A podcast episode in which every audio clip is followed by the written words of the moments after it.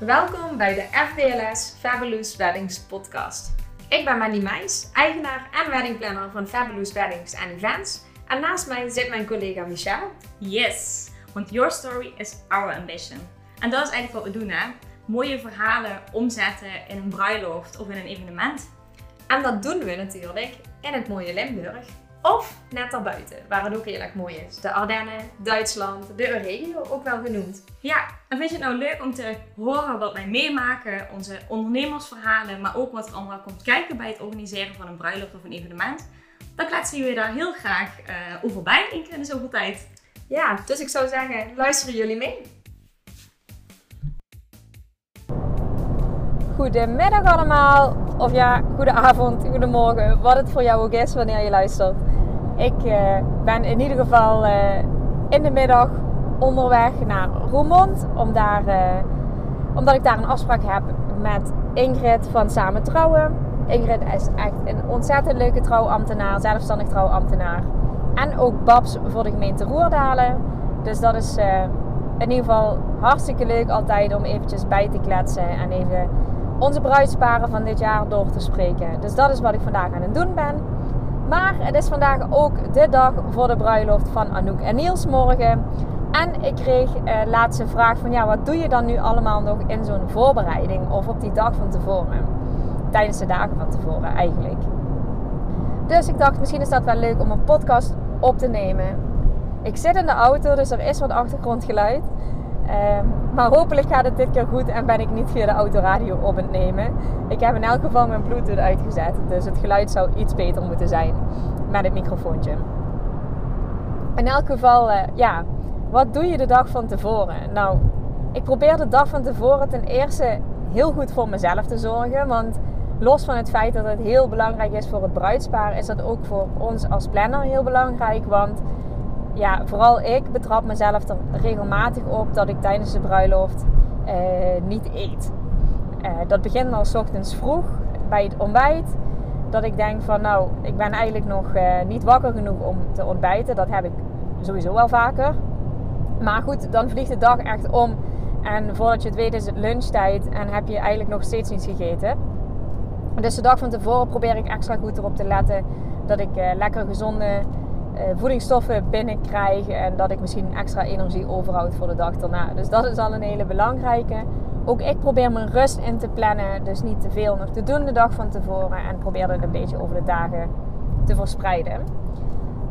Um, zoals ik op stories al had gedeeld, uh, zijn we onder andere dus donderdag de doorloop uh, in de kerk gaan doen, aangezien Anouk en Niels in de kerk trouwen.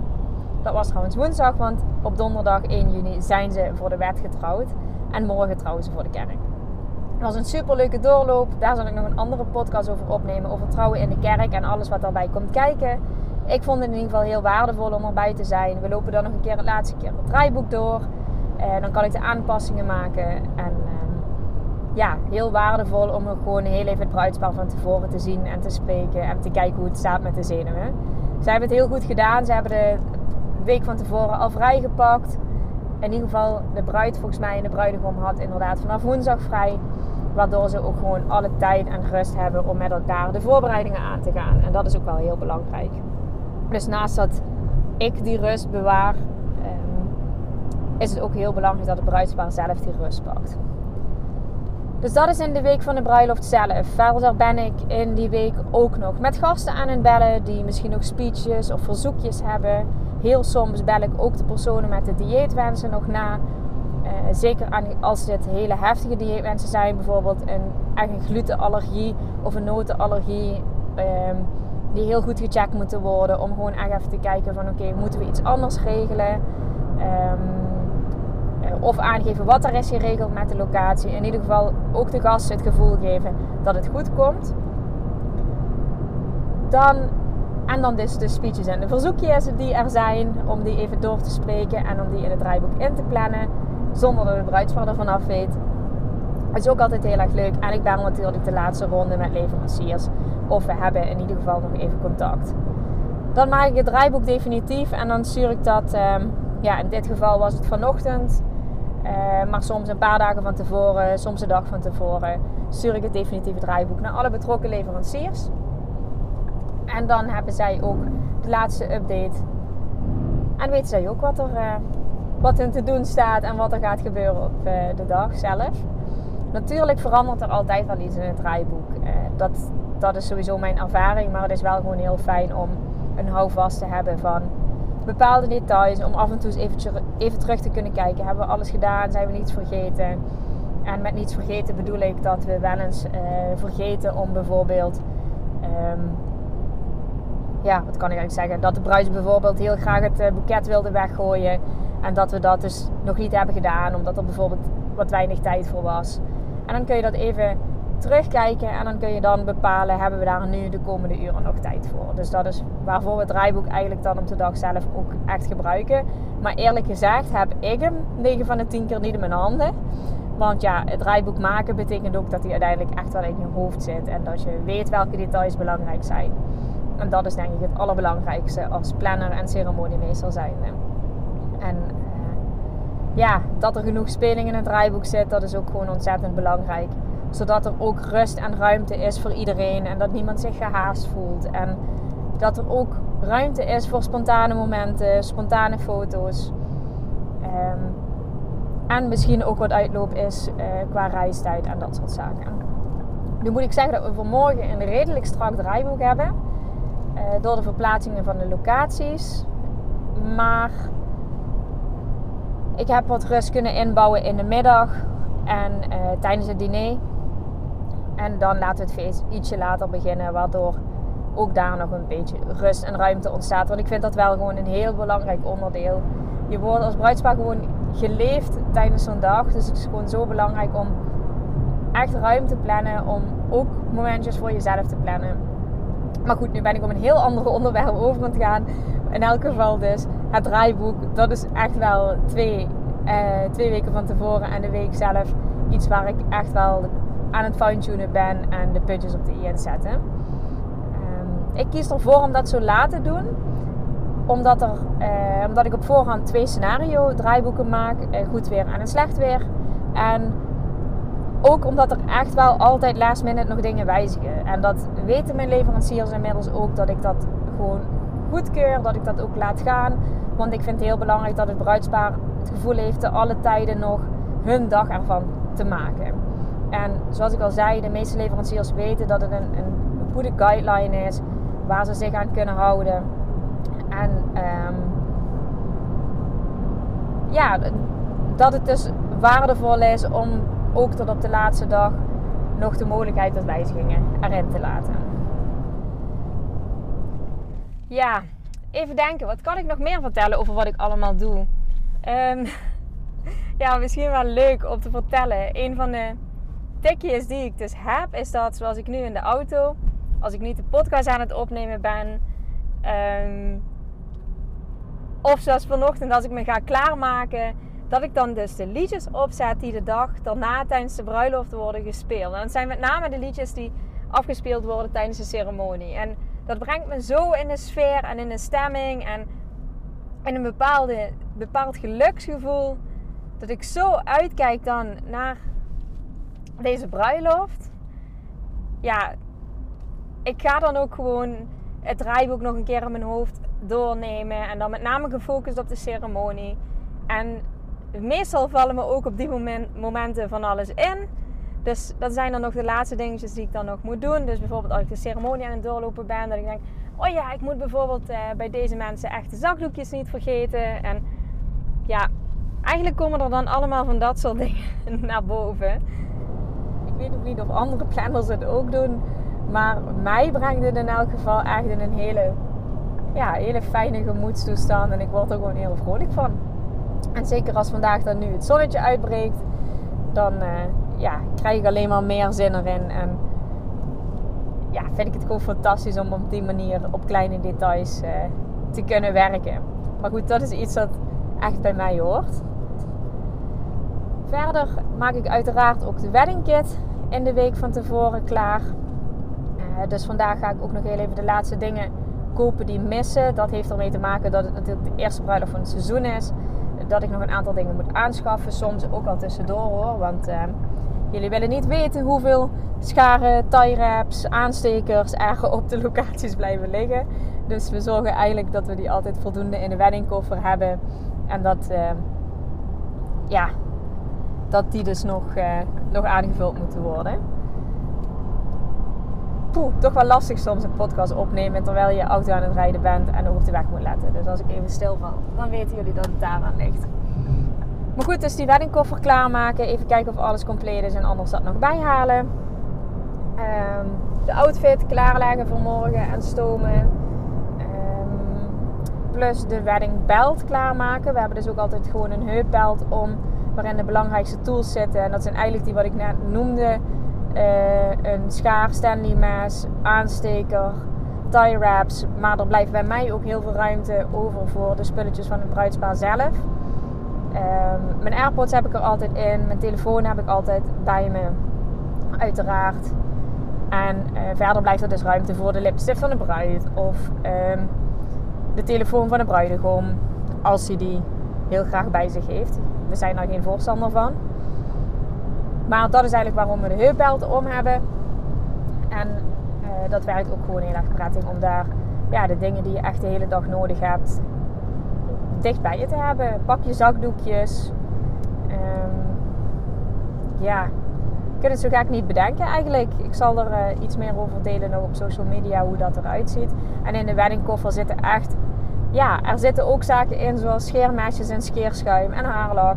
Een concealer. Um, vooral ook van alles om vlekken uit kleding te halen. We maken bijvoorbeeld gebruik van het wondersponsje. Dan krijg je letterlijk overal alles mee eruit. Dat is nog een tip die ik heb gekregen van Loes. Uh, met een stukje groene zeep. Uh, ook heel erg fantastisch. Werkt ook bijna overal op. Uh, doekjes. Een EHBO-kit uiteraard. Een naaisetje. het gebeurt vaak genoeg dat er ergens iets afscheurt van de jurk of van het pak. Dat iemand uit zijn broek scheurt. Nou is dat wat moeilijker te maken vaak. Maar uh, ja, voor kleine dingen hebben we hem wel bij ons. Het meeste heb ik hem tot nu toe nog moeten gebruiken voor de bruidsmeisjes. Dus dat is alleen maar positief. Uh, vuilniszakken nemen we mee voor tijdens de fotoshoot. Als, de jurk, als de bruid wil gaan zitten of als het echt heel erg modderig is, dat de jurk niet super vies wordt. Zeker als daarna nog de ceremonie is.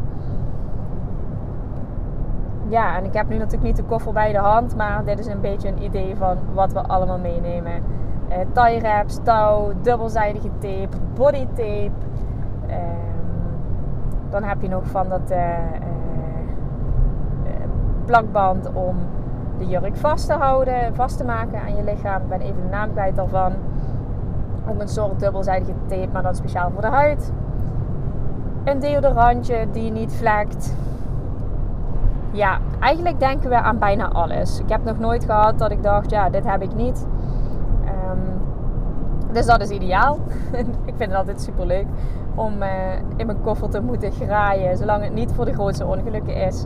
En de EHBO-kit pak ik er natuurlijk ook niet heel graag bij. Dus dat is wel, uh, ja, wel belangrijk om te benoemen. Dus daar ben ik mee bezig. Uh, wat ik zeg, de weddingbelt, de, de kit, mijn outfit klaarleggen, het draaiboek sturen, leveranciers bellen, gasten bellen, de locatie bellen. Soms ga ik ook de dag van tevoren nog even langs op locatie. En voorheen, en daar moet ik nu wel heel even aan wennen.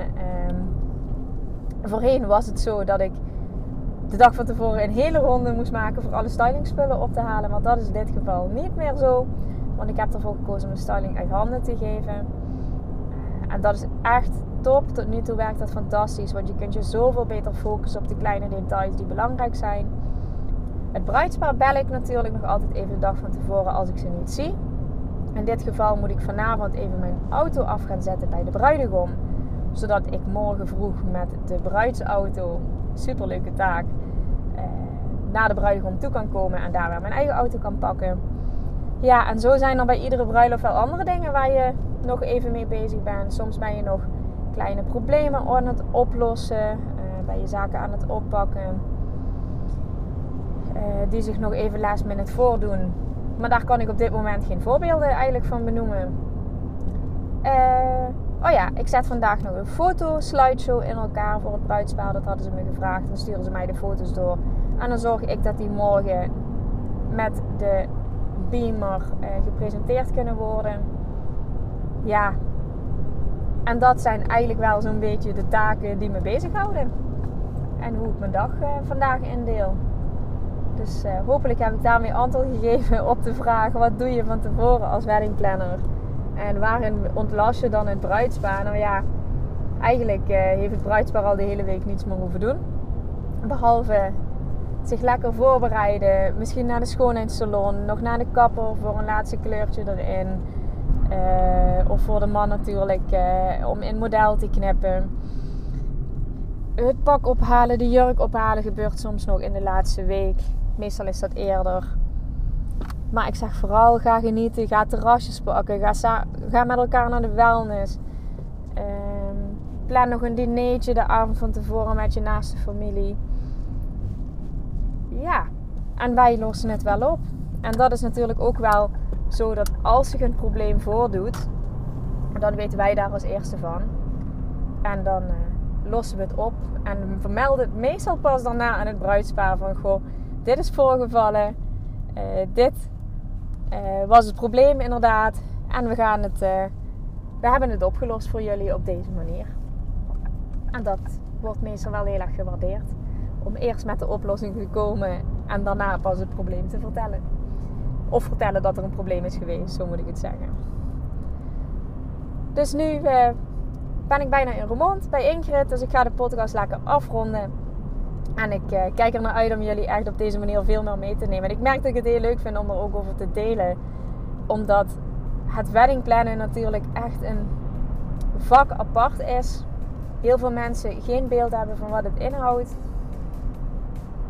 En op deze manier kan ik jullie veel meer meenemen in mijn dag.